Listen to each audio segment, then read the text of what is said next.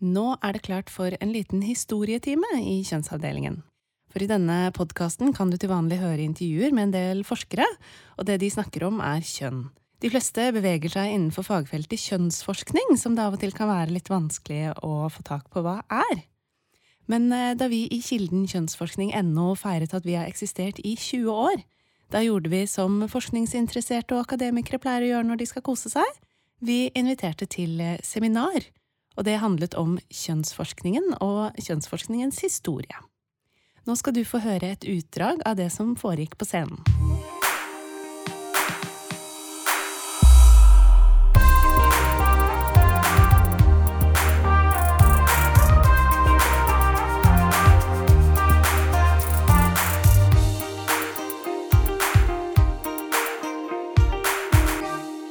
Beatrice Halså, som har blitt intervjuet her i Kjønnsavdelingen tidligere, i episode syv om valg og minoritetskvinners deltakelse i politikken, hun har vært med i kjønnsforskningen helt siden starten. Du skal få høre hennes eh, turbooppsummering av kvinne- og kjønnsforskningens historie i Norge. Hvordan eh, vokste det frem et fagfelt som brydde seg om kvinners liv og perspektiver, og ikke bare tok utgangspunkt i mannen som det universelle? Halså skal fortelle om eh, konteksten som gjorde dette mulig, om eh, koblingen til kvinnebevegelsen, og om spørsmålene som eh, dominerte faget i starten. Og kjønnsforskning det startet som kvinneforskning, men det er også noe som heter mannsforskning. For menn har også kjønn, og innenfor kjønnsforskningen er det selvsagt at de skal studeres med kjønnsbriller på. Men det har det ikke alltid vært, og Øystein Gullvåg Holter, som er professor ved Senter for tverrfaglig kjønnsforskning, og en av de helt sentrale mannsforskerne i Norge, han skal snakke om hvordan det fagfeltet kom på plass. Og så, eh, etter eh, Gullvåg Holter og Beatrice Halså er eh, ferdig med sitt, så er det tid for å snakke om Jordan Peterson. Det er snart ti år siden Hjernevask, altså TV-serien hvor Harald Eia utforsker forskjellige temaer som også kjønnsforskere jobber med, sånn som likestilling og seksualitet. Det ble et voldsomt styr i ettertid av den TV-serien, mye fordi at forskerne ikke ble fremstilt i et så godt lys, men også fordi Eia lente seg mest på atferdsbiologi, evolusjonspsykologi og andre fagfelt som han gjerne satt opp mot humanistisk forskning. Agnes Bolse var en av de som ble intervjuet, og nå, snart ti år etter, sier hun at hjernevask ti år etter, det er Jordan Peterson. Hun tar tak i hva de som kritiserer kjønnsforskning med da for eksempel evolusjonspsykologi da, som verktøy, egentlig driver med. Det anbefales å høre, men først blir det altså en liten halvtime om fagfeltet kjønnsforskning sin historie. Mitt navn er Mari Lilleslåtten, og nå hører du straks Linda Marie Rustad introdusere Halså. Du hører på Kjønnsavdelingen. Og da skal vi starte på dagens seminar fra kvinneliv til kjønnstrøbbel. Og vi har jo vært litt sånn hva skal jeg si, litt sånn høye og mørke da, når vi på liksom, med tre innlegg skal prøve å lage da, dette risset av, av, historie. Men det er i hvert fall en begynnelse, og så kan vi jo fortsette, fortsette med det. Eh, først ut er Beatrice Halså professor emerita ved Senter for tverrfaglig kjønnsforskning ved Universitetet i Oslo. Da Beatrice begynte på universitetet, var det ingen kvinnelige forfattere på pensum, og få fag hadde brukt mye energi på andre kjønn enn mannen. Studenter ble aktivister og kjempet inn kvinneperspektivet i fag etter fag. Med pionerer som Harriet Holter, Åse Hjort Lervik, Ida Blom og Kari Wærnes ble kvinneforskningen et pensum. Og Beatrice har kalt da sitt innlegg fra kvinnesak til akademisk institusjon. Kjønnsforskningens fremvekst i Norge. Vær så god. Ja, Takk for uh, invitasjonen. Uh, jeg skal da starte litt mindre optimistisk enn en, en Linda kanskje var nå. Jeg gikk av med pensjon i, i, desember. Og da tenkte jeg hvordan skal det gå med kjønnsforskningen når jeg ikke er her lenger. Nei, jeg tenkte ikke helt det, men jeg har tenkt mye på hvordan kommer det til å gå med kjønnsforskningen. Jeg synes jeg har sett tendenser eh, til eh, altså, Hva skjer når min generasjon slutter? Blir vi erstattet av nye kjønnsforskere? Hva skjer med undervisningen på feltet? Hva skjer i Forskningsrådet? Og Da jeg var på Kildens seminar her forleden dag, eh, som het Threat to Academic Freedom, så gjorde det et veldig inntrykk på meg Og jeg fant ut at jeg måtte legge om innlegget på dette seminaret i lys av det som ble sagt der. Altså Der kom det så veldig tydelig fram de sterke globale motkreftene mot eh, gender, mot feminisme, mot det hele. Og dette her er jo motkrefter som er gamle. Den organiserte motkraften mellom, mellom altså de reaksjonære muslimske, katolske og protestantiske religiøse de startet jo med Kairo-konferansen til FN. Da mobiliserte de, og siden det har de blitt sterkere og sterkere. Og nå er det liksom blitt med nedleggelse av kjønnsstudier, og det er satt på dagsordenen på en helt annen måte. Det er da ikke nytt å undre seg over om kjønnsforskningen kommer til å fortsette. Så jeg har da funnet et uh, sitat tilbake fra 1975. Det er Karin Westman Berg, som da var uh, historiker, litteraturviter, vel egentlig i Sverige. Hun, hennes uh, litteraturgruppe ble utgangspunktet for Gruppe 8 i Sverige. Og hun sier da på en konferanse som var den første i humanistisk kvinneforskning i Norge. Eh, da ble hun invitert for å snakke, og, og sier da eh, dette som står Jeg forstår at vi har vært aldeles for optimistiske og aldeles for blygsomme. Vi har trodd at det skulle rekke med at vi viste de storartede mulighetene den nye forskningsinnretningen er bjød. Men sånn har det ikke gått, sier hun. Og det fins ingen sikkerhet før at det ikke går likadant med det som nå produseres, som det gikk for den tidligere kvinneforskningen på suffragetternes tid. Foraktad og glemt. Så det er da et lite bakteppe for, eh, for, det jeg da fant ut at jeg skulle snakke om. Jeg fikk et stort mandat fra Kilden. Mange spørsmål. Det var nok var minst en hel dag. Eh, og jeg har da bestemt meg for at jeg tar bare det første, og det er hvordan gikk det til? Hvordan fikk de det til? Hvordan fikk vi det til? Hvordan gikk det til? Og det enkle svaret på hvordan gikk det til, altså hvordan ble kvinneforskningen og kjønnsforskningen vokste fram, det vokste fram gjennom et samspill mellom en sterk mobilisering og det som heter gode mulighetsstrukturer. Det er det enkle svaret, og det er det jeg skal si litt mer om. Og jeg, det gjør jeg fordi jeg tenker at det kanskje kan være noe av nytte med tanke på dagens situasjon også. Og så håper jeg at det blir tid til å snakke litt om konfliktene. Jeg må si litt om konteksten først, når, når dette vokste fram. Altså, kvinne, kvinneforskningen, som det het, vokste jo fram på 70-tallet i Norge. Det var en oppbruddstid. Det var overgangen fra husmor Jeg vokste opp med husmor til mor. Mange her har vokst opp med husmødre. Eh, vi skulle ut eh, høyere utdanning. Utdanningsbølgen kom. Det var overgangen fra husmorland til eh, toforsørgerfamilien. Det var veldig få kvinner i folkevalgte organer. Det var nesten ingen kvinner på universitetene. Og en veldig, veldig viktig økonomisk faktor her oljen var funnet.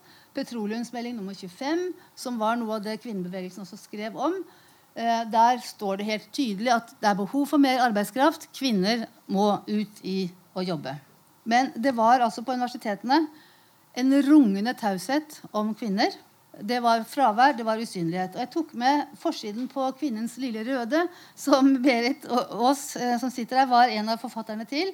Berit sammen med Wenche Haaland, Elisabeth Helseth og flere, Helsing og flere andre, som kom ut i forbindelse med kvinnekuppet i 1971. Og Det er en bok jeg selv har hatt stor glede av. Jeg har den fortsatt og kommer ikke til å kaste den når jeg slutter helt eh, på å gå på jobben. Der står det veldig tidlig hvis ikke vi ser at vår sak er viktig, hvem skal da se det for oss? Hvis ikke vi vil kjempe vår kamp, hvem skal da kjempe for oss? Og det kan være et sånt lite symbol på den endringstiden, oppbruddstiden, som var da kvinneforskningen vokste fram. Så, sånn som jeg forstår det, så er kvinneforskningen en del av kvinnebevegelsen og kan ikke forstås løsrevet fra den. Det går også an å snakke om en kvinneforskningsbevegelse. Og På dette her bildet så har jeg tatt med dels noen ting om hva er en sosial bevegelse, fra Rune Haukås sin bok 'Bak slagordene'. Og jeg synes at dette Poengene er at det er konflikter som er drivkraften bak at sosiale bevegelser oppstår. Det er konflikter på forhånd, og det er konflikter i bevegelsen, og det er konflikter som gjør at bevegelsene utvikler seg. Så også da i kvinneforskning som bevegelse. Hun sier på det siste kulepunktet de motsetningsforhold som har skapt bevegelsen, blir sentrale konflikttemaer innad i bevegelsen og driver endringsprosessene i bevegelsen framover. Og det tenker jeg er verdt å ta med seg når vi skal forstå utviklingen i kvinneforskningen etter at den er blitt etablert. Og så det andre når skjer det mobilisering? Jeg synes En av de viktige innsiktene for meg fra Rune Haukås sin bok det er at sosiale bevegelser kan ikke forutsies. De kommer når de kommer, og de kommer alltid brått på. Eh, men vi kan likevel si noen ting om betingelser som man lettere kan se i ettertid. Og noen betingelser er da dette med raske endringer. Det er det med likhet, sosial likhet. Det er eh, at det er stor nærhet mellom deltakerne. Det er at det må være noen lederskikkelser. Det må være et sinne der. Det må være et eh, pågangsmot. Og det er en veldig fordel med preeksisterende nettverk, som jeg kommer tilbake til. Kvinneforskningsaktiviteten på universitetet Det var jo ikke tilfeldig at det var på universitetet.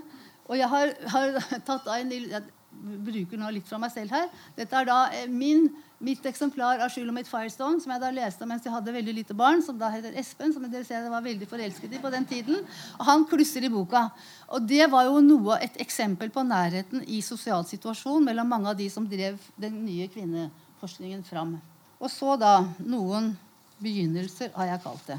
Og den første begynnelsen er da, eh, som jeg har tatt, er det møtet som var på Universitetet i Oslo i 1970, i september, tror jeg, med Joe Freeman, som var en av de store lederskikkelsene i den amerikanske feminismen.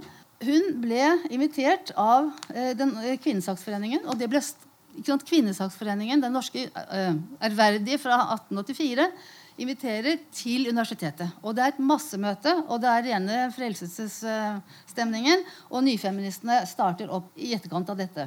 Og det sier noen ting om Fordelen med at det er et nettverk som fins fra før, som kan sette i gang noen ting.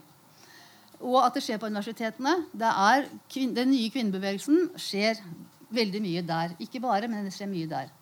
Så hopper jeg til en annen begynnelse. Nordisk sommeruniversitet i Finland. Der er det Signe Arnfred, som flere av dere har lest, og sikkert noen kjenner, som kommer rett til Nordiske sommeruniversitet, en etablert institusjon. Kommer rett fra Femø kvinneleir, radikal kvinneleir i Danmark, full av ideer. Og snur opp ned på alt som er der. Og det startes umiddelbart spontant fem kvinnegrupper og to mannegrupper. Og den, av, Ut av kvinnegruppene så startet de da det som skulle bli en helhetsanalyse av kvinners situasjon under kapitalismen, som dere ser her oppe. Og eh, Fra norsk, side så var både Irene Iversen og Irene Engelstad med. Kvinnegruppene fortsatte bl.a. på Røros i 1973. Da var sikkert flere av dere her eh, noen her var kanskje med, kan ha vært med. Det som er viktig å ta med seg fra den, eh, den 1971 eh, Nordisk sommeruniversitet, det er det nordiske aspektet ved kvinneforskningen. Det tror jeg er veldig viktig.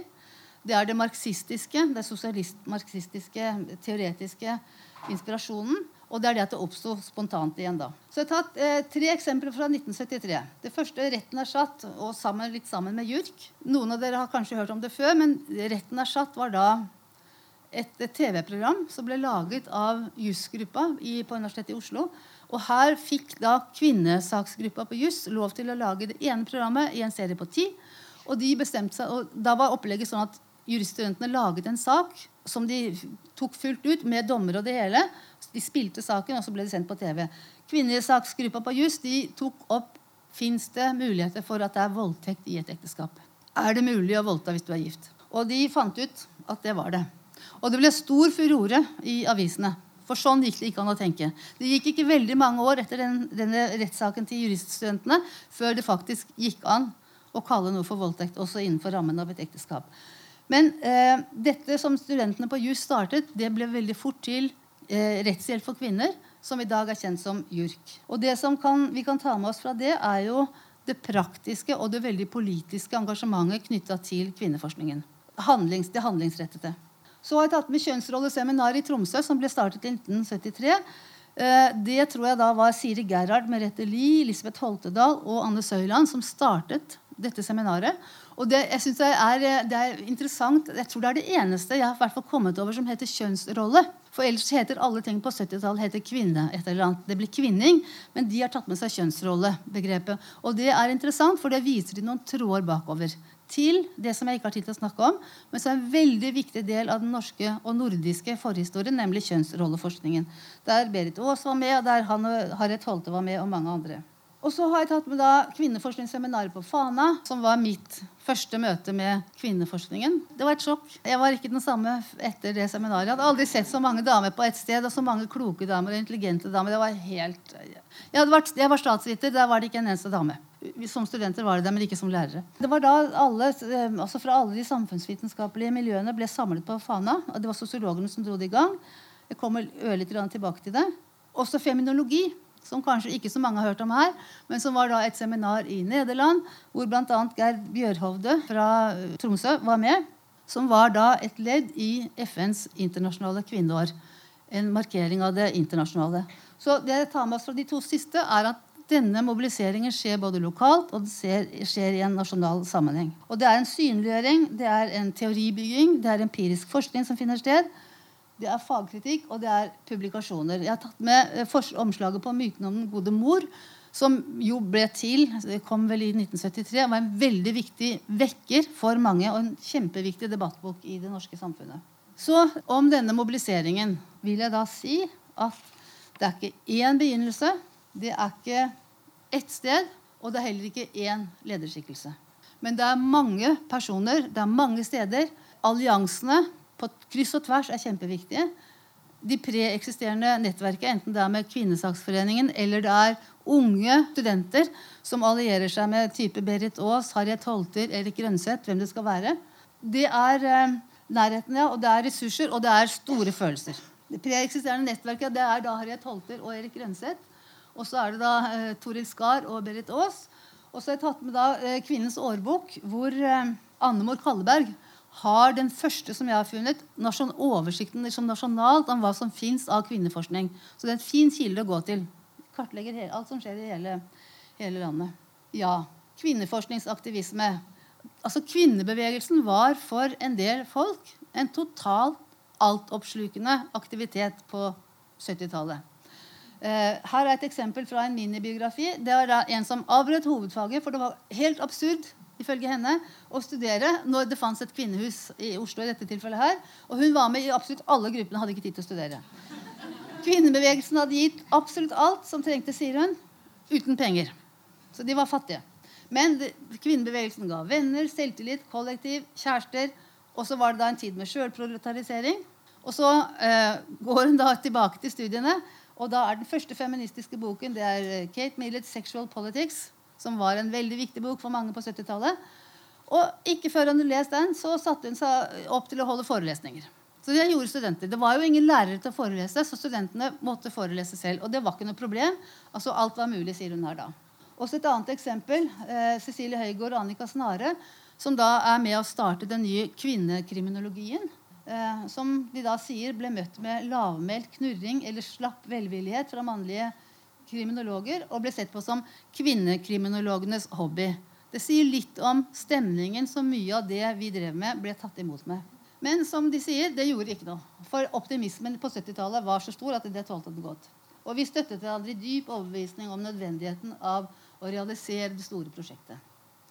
Og da må jeg ta med i serien selvpraktmeldelser jeg var da så heldig at jeg var på dette Fana-seminaret. Jeg ble valgt ut til å være med å skrive referatet fra Fana. Jeg, holdt, jeg, greide ikke å finne det igjen. Jeg har det i kjelleren et sted. Sammen med Else Skjønsberg. Og vi skriver da vi, vi, Det er våre egne betraktninger etter at vi har gått gjennom hele referatet fra Fana. En svær bok. Vi syns det har vært fint å arbeide oss gjennom Fana-seminaret en gang til. Det slår oss igjen og igjen hvor viktig og spennende kvinneforskningen er, og hvordan kvinneforskningen bærer i seg muligheter til å bli en reell utfordring og overskriding i forhold til tradisjonell forskning. Og så da, Den fine stemningen som preget hele seminaret, solidariteten som bandt oss sammen, og våre felles ønsker om å forandre radikalt på undertrykkende strukturer, både generelt og i vårt eget miljø.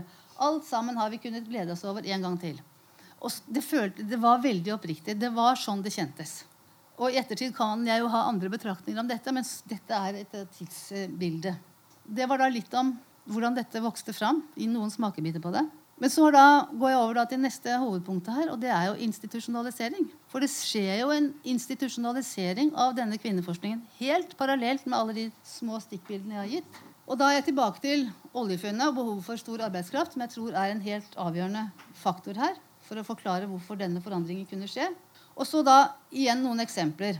Første eksempel som jeg tror er viktig fra 1971, det er da en nordisk kulturkommisjon, igjen det nordiske, som eh, bestemmer seg for å nedsette et utvalg som kommer med utredningen 'Kjønnsroller og utbildning'. Det var egentlig tilbake til 1969 Olof Palme som var opptatt av kjønnsroller og utbildning. Og tilbake til der igjen er nok det som spøker i bakgrunnen, er FN og Sputnik. Så det var ikke noe spøk, dette her. Det var rett og slett at Den vestlige verden var slått av russerne på det viktige teknologiske, og her gjaldt å ta alle ressurser i bruk. altså kjønnsroller og utbildning. Og fra denne utredningen, nordisk, eh, nordiske utredningen den ble sendt til departementet i Norge, som sendte det til Forskningsrådet, som sendte det til de to fagrådene for humanistisk forskning og for samfunnsforskning. Og ut av denne utredningen, som Forskningsrådet fikk, og som universitetene fikk, så nedsatte Universitetet i Bergen i 1972 en likestillingskomité med ingen andre enn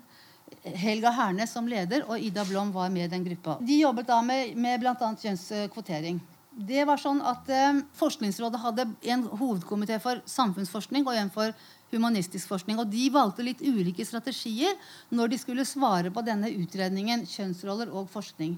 Men et hovedresultat fra den samfunnsvitenskapelige siden det ble denne utredningen 'Forskning om kvinner', der som uh, Hanne Håvin var leder i den gruppa for, og Siri Gerhard satt som sekretær i gruppa. De skisserte opp bl.a. det som ble Sekretariat for kvinneforskning, og som vi kjenner resten av historien til, og som etter noen år ble slått sammen med den humanistiske kvinneforskningen til ett felles prosjekt. Og Da har ikke jeg tid til å si noe mer om det, men her er liksom begynnelsen på institusjonalisering, som skjer samtidig med mobiliseringen. Og Det er en ny diskurs. Og så da bare to ord. Var det konflikter?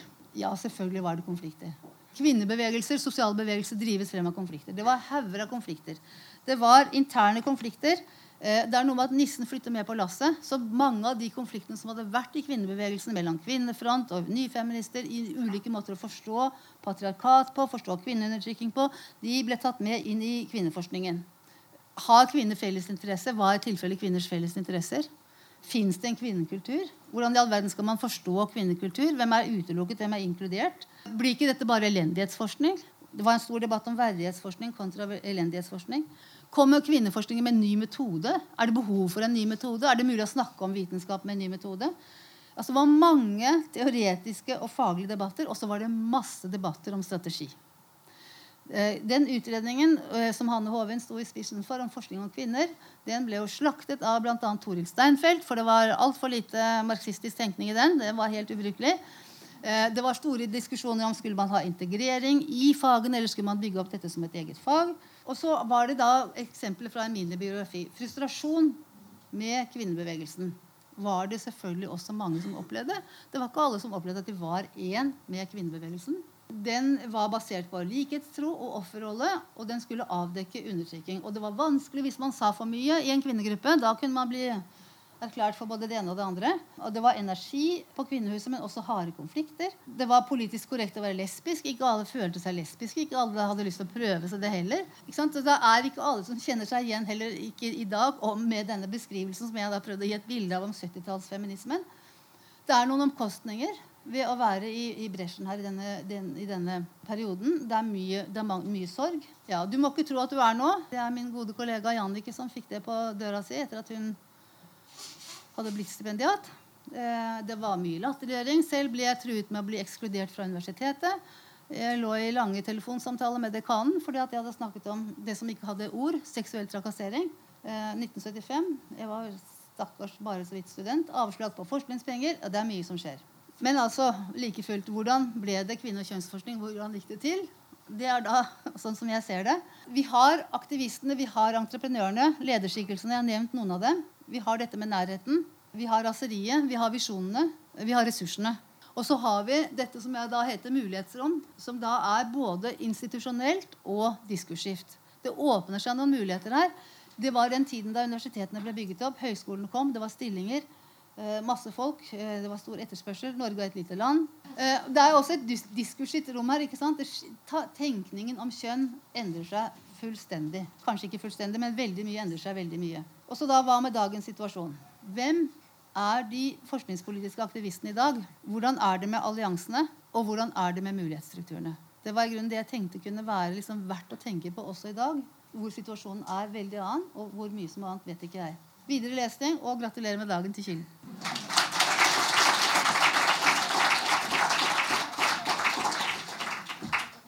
Det er jo nesten en umulig oppgave å få Beatrice og så skulle si eh, så, lage dette risset. Men det jo, viser jo veldig godt hvor mye utrolig spennende det er. Vi kunne ha brettet ut enda mer. Da har vi nestemann ut er Øystein Gullvåg Holter professor ved Senter for tverrfaglig kjønnsforskning. I dagens kjønnsforskning er det en selvfølge at menns virkelighet er kjønnet, og at menn skal studeres med kjønnsbriller på. Men i kvinneforskningens begynnelse hadde ikke mannen en selvsagt plass. Øystein skal fortelle litt om hvordan kjønnsforskningen ble likestilt da menn og maskuliniteter kom inn i faget. Vær så god. Takk, og veldig hyggelig å bli invitert. Gratulerer til eh, Kilden som har hjulpet også, også vi som bruker da kjønnsbriller på menn. Jeg skal bare gi en kort gjennomgang. Jeg tror ikke jeg klarer å holde samme både tempo og dybde som eh, du gjorde, Beatrice. Jeg har til og med brukt et av de samme bildene som jeg trodde var ikke så mye brukt, men det er jo veldig brukt.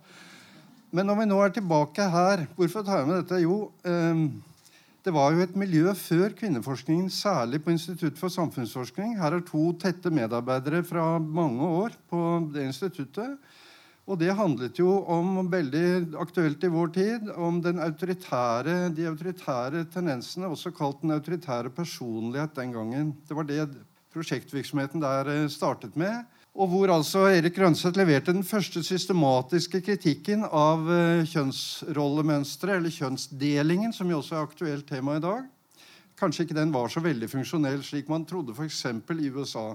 Mad Men-serien er vel illustrerende litt for liksom, situasjonen med den derre virkelig to, to sfærer. Fall, og Harriet Holter var den første som teoretiserte så vidt jeg vet, i norsk sammenheng, litt mer tydelig at både menn og kvinner mister frihet og har, kan være undertrykt i forhold til kjønnsrollemønstre.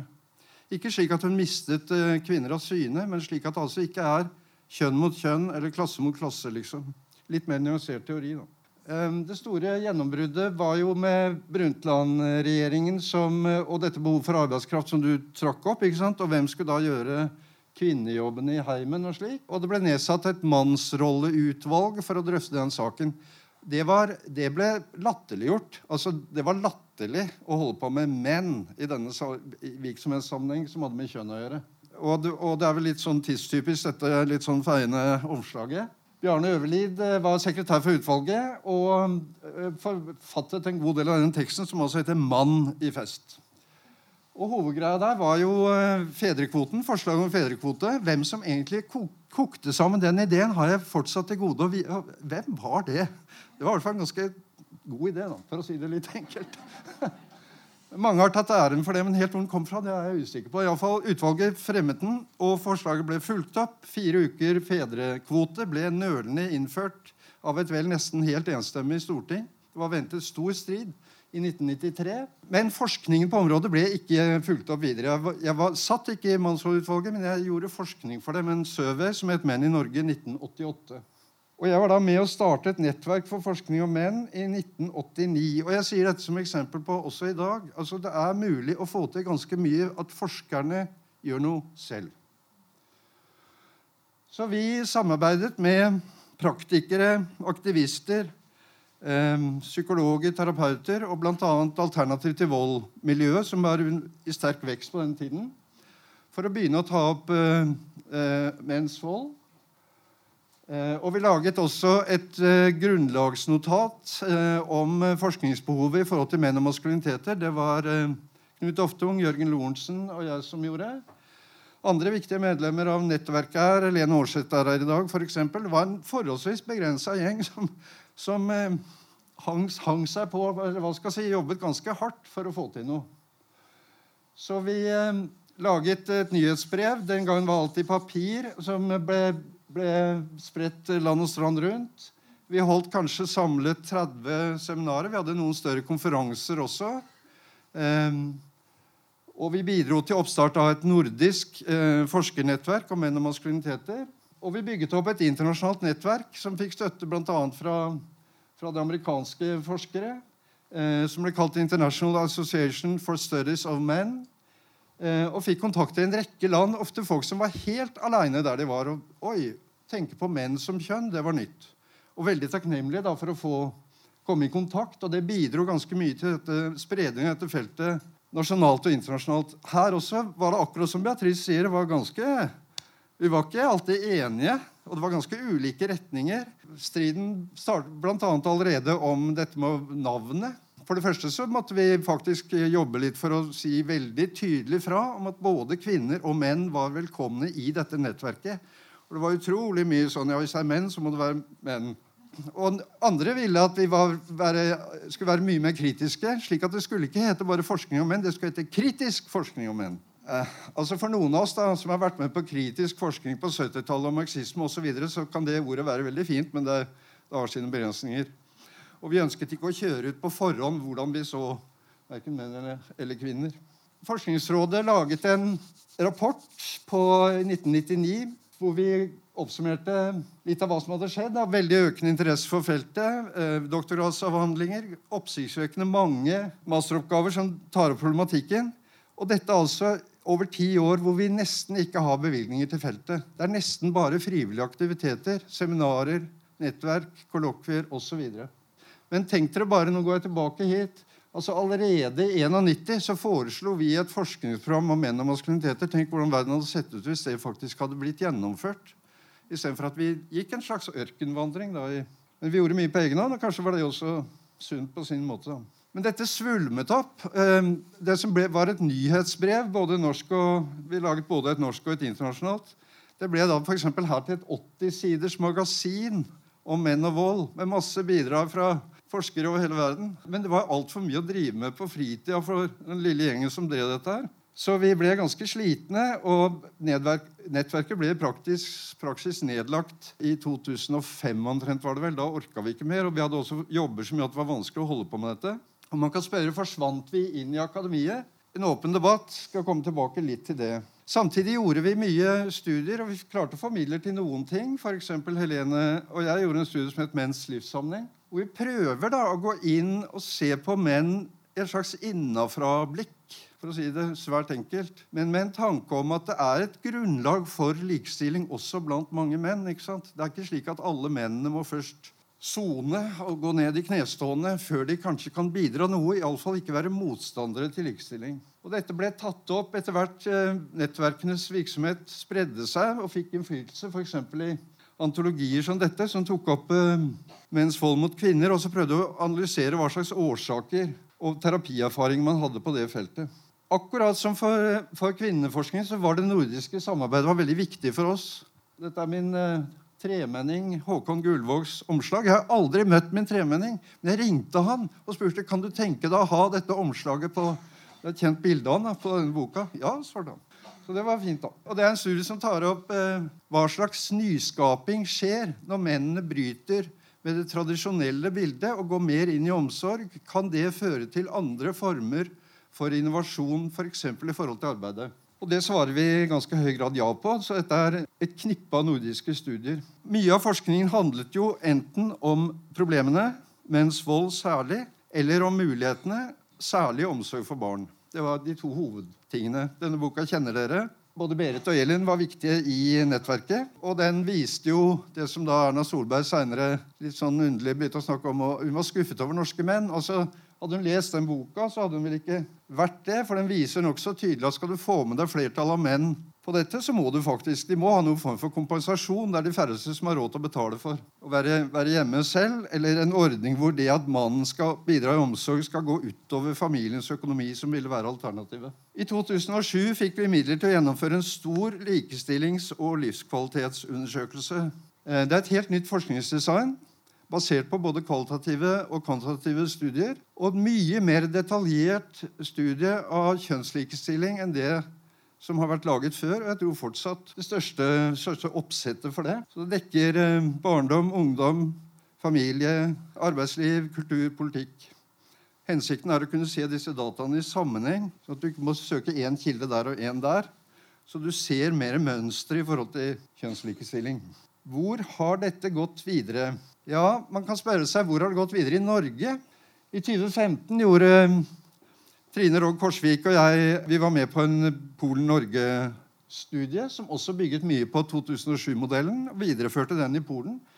Og viser at du kan ta et kjønnskonservativt land som Polen er, og faktisk lære mye, selv om du bruker en norsk modell. bare vi tilpasser den litt til de polske forholdene. Den ga også virkninger i retning av f.eks. mannsmeldingen og Skeie-utvalget Politikk for likestilling, hvor også noe av materialet her ble brukt. Og nå helt nylig, da, til eh, frontprosjektet Female Researchers on Track, som er i samarbeid mellom Senter for tverrfaglig kjønnsforskning og eh, Mat-Natt-fakultetet på UiO. Hvor vi også bruker en del av opplegget og tankegangen eh, fra de studiene av menn og likestilling. Og jeg synes Det er interessant å merke seg her metodisk, jeg vet ikke om det er en tilfeldighet, men studier av menn eller surveys om menn og likestilling har faktisk bidratt ganske mye for å utvikle hele den tradisjonen når det gjelder likestilling generelt, og begge kjønn generelt. Så jeg tror jeg runder av der at det, eh, her er mye gjort. Men helheten av dette er at veldig mange mennesker har vært innom feltet. Unge forskere, studenter osv. Og, og vært e- entusiaster og holdt på en periode. Men så har det vært veldig tynt med midler. slik at Problemstillingen om menn trekkes inn, men den særskilte forskningen er forholdsvis mager i Norge. Takk.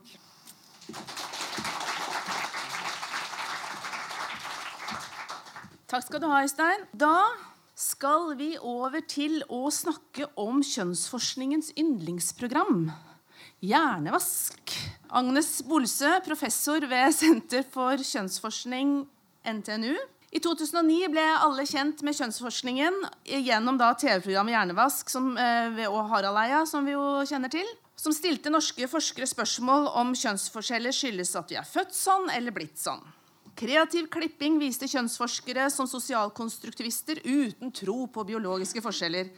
Og fagfeltet fikk seg en alvorlig støkk. Men hva var egentlig hjernevask? Eh, I løpet av de siste tiåret så har jo fenomener som både postfakta, høyrepopulisme og ikke minst den senere tid Jordan Peterson gitt offentligheten nye versjoner av hva kjønnsforskningen er, og hva den er verdt. Så nå, sammen med Agnes, så skal vi se litt nærmere på kritikken. Vær så god.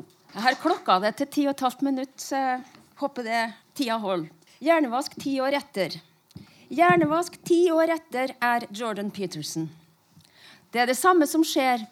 Naturvitenskapelige usannheter blir til sannhet i en begjærlig offentlighet. Samfunnsgeografen Anja Sletteland formulerer kritikken av hjernevask enkelt og presist. Sitat, Vi opplevde selve debatten som en felle, sier hun. Programmet satte opp falske dikotomier mellom nært sammenvevde fenomener bl.a. arv og miljø, og fanget deltakerne i misforståtte faglige og moralske posisjoner som var forhåndsdefinert av sleipe TV-produsenter.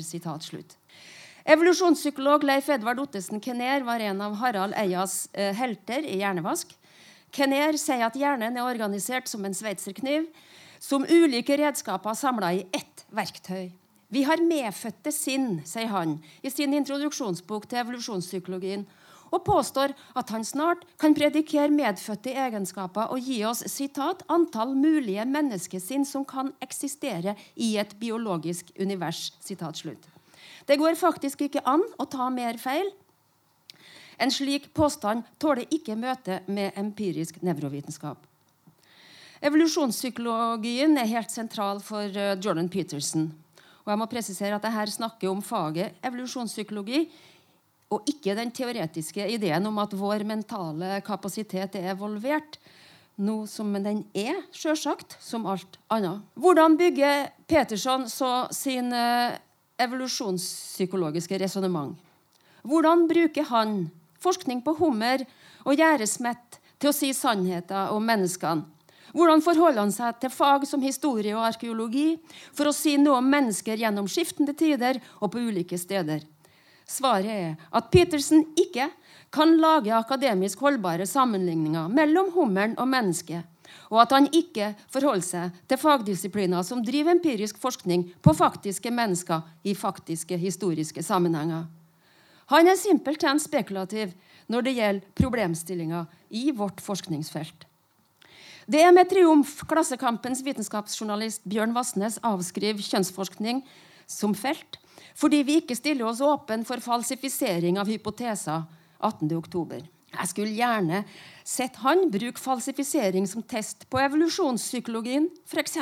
påstanden i Jordan Petersens bok sitat, de kvinnelige hummerne merker seg fort hvem som er sjefen, og blir umotståelig tiltrukket av ham. Dette er en glimrende strategi etter min vurdering. Det er en strategi som brukes av hunndyr av mange ulike arter, menneske inkludert. Den dominante hummeren beskrives som Et kjepphøyt og struttende skalldyr. Hvis vi nå tar falsifiseringstesten, er det nok at vi finner én kvinne som slett ikke føler seg tiltrukket av kjepphøye og struttende menn med skall. Og det skulle ikke være så vanskelig. I kjønnsforskning er det vanlig å snakke om symbolsk femininitet og maskulinitet. Det er noe som normerer oss og er noe annet enn faktiske kvinner og menn. Femininitet hos Pettersen er lik kaos, og maskulinitet er lik orden. Men hos han kollapser forskjellen mellom kvinner og kaos, og kvinner er kaos i seg sjøl. Hun er det han kaller en knusende kraft, særlig når hun avviser en mann seksuelt. Pettersen sier for mennene er det, direkte, er det et direkte møte med kaos, og det skjer med ødeleggende kraft hver gang de blir avvist. Sitat slutt. Dette er åpenbart noe menn bør forsvare seg mot. Hvis du blir truffet av en ødeleggende kraft, har du rett til å slå tilbake. Særlig hvis du er mann og naturlig nok vil være vinnerhummeren. Og Peterson taler der andre tier. Slik det er, slik bør det være er blir til bør hos Petersen. Og det legger han overhodet ikke skjul på, men han sier det direkte. Side 66 i min bok for den som skal slå det opp. Han vet hvordan ting er, og dermed også hvordan de bør være. Jordan Peterson skiller seg fra Harald Eia når det gjelder Gud. Du kunne hjelpe til å styre verden i sin skjeve bane. Litt mer i retning himmelen, litt mer bort fra helvete, sier Jordan Peterson. Du kan faktisk vie ditt liv til dette.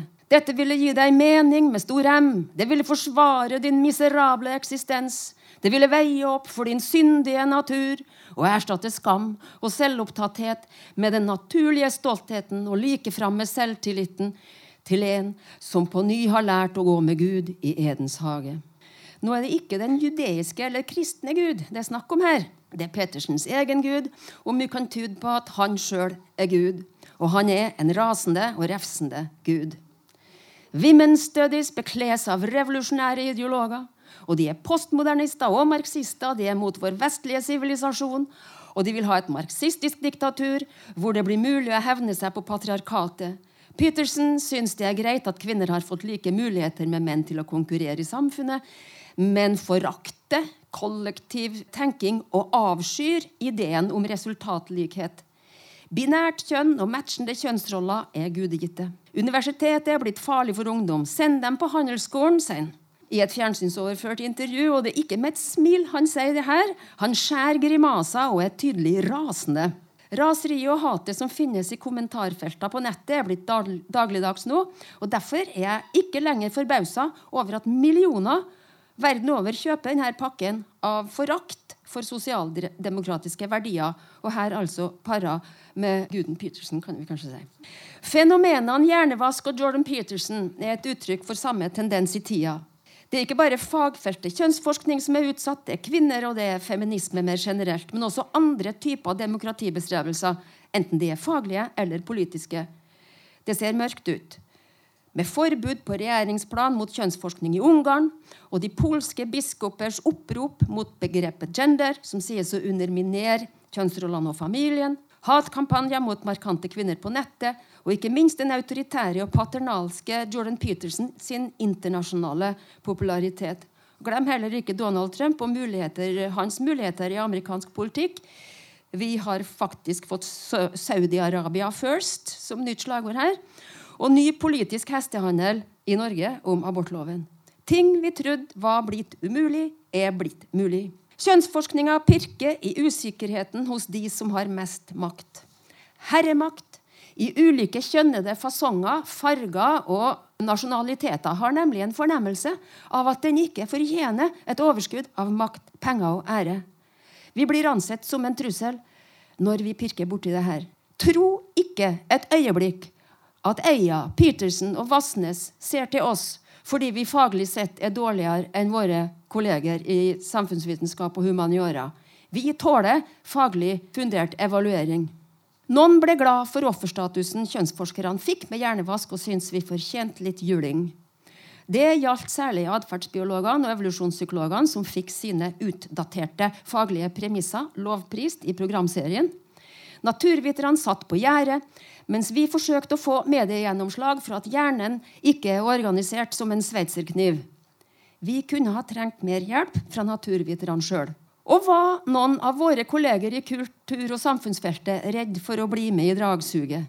Var det et hygienespørsmål, føltes offerstatusen smittsom. Var de glad for å kunne framstå som pålitelig, i kontrast til retningsløse, poststrukturalistiske kjønnsforskere som nå heldigvis hadde mista vind i seilene sine. Jeg kan bare spekulere på hvorfor det ikke ble et mer kollektivt akademisk oppgjør med Hjernevask sin faglige forankring. Jeg savna det sårt den gangen, men nå har vi heldigvis fortsatt mulighet for akademiske allianser. Biologisme i samfunnsforskning og humaniora har alltid mangla faglig holdbarhet. Kjønnsforskere må ikke bli sittende alene med bevisbyrden. Journalister som skriver om forskning, må søke mer hjelp til å lese forskning kritisk. Og naturviterne må faktisk på banen og forsvare sine fag mot sjarlataneri. Ære være samfunnsvitere som f.eks. Kjersti Misje Østbakken og Marit Teigen, som med tall korrigerer Petersen og Harald Eias påstander om at likestilte land har mer kjønnsdelt arbeidsmarked enn det ulikestilte land har. Så må vi gå enda dypere i fagkritikken. Evolusjonspsykologien er egentlig ikke opptatt av å si noe statistisk holdbart om oss som lever i dag. De formulerer hypoteser om menneskets tanker, følelser og gjøren for 100 000 år siden. Hypotesene kan ikke testes empirisk for dem det gjelder, fordi det ikke finnes materiale. De tester derfor hypotesene på nåtidens mennesker og forteller oss at ting er som de alltid har vært, og at det skyldes biologiske kjønnsforskjeller. Dette er et akademisk luftslott og et prototypisk sirkelresonnement som lar seg bruke politisk på helt bestemte måter. Det blåser en urovekkende politisk vind over verden. Vårt bidrag er å sørge for at den ikke har akademisk legitimitet. Og vi trenger Kilden mer enn noen gang. Gratulerer med jubileet.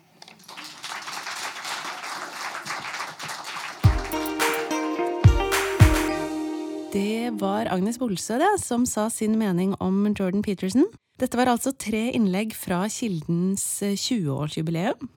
Og vi har gjort mye i løpet av dette året for å markere at vi fyller 20. Vi har gravd i arkivet, og alle på Kilden har funnet frem saker de har merket seg og lest det med dagens briller. Vi har arrangert seminarer over hele landet. Vi har hatt en kronikkserie hvor folk utenfor akademia Sånn som NHO-leder Kristin Skogen Lund, sanitetskvinneleder Grete Herlofsson og forfatter Marta Breen har eh, skrevet om kjønnsforskning de mener har hatt betydning for eh, samfunnsutviklingen. Alt eh, fra denne markeringen er samla på kjønnsforskning.no. Der finner du også mye lesestoff om det du har hørt om i denne episoden. Søk etter det du er interessert i, bla deg gjennom eh, temasidene og bli litt klokere på hva kjønn og forståelser av kjønn betyr i samfunnet vårt. Del gjerne denne og andre episoder av Kjønnsavdelingen videre. Snart er vi tilbake med mer. Vi høres!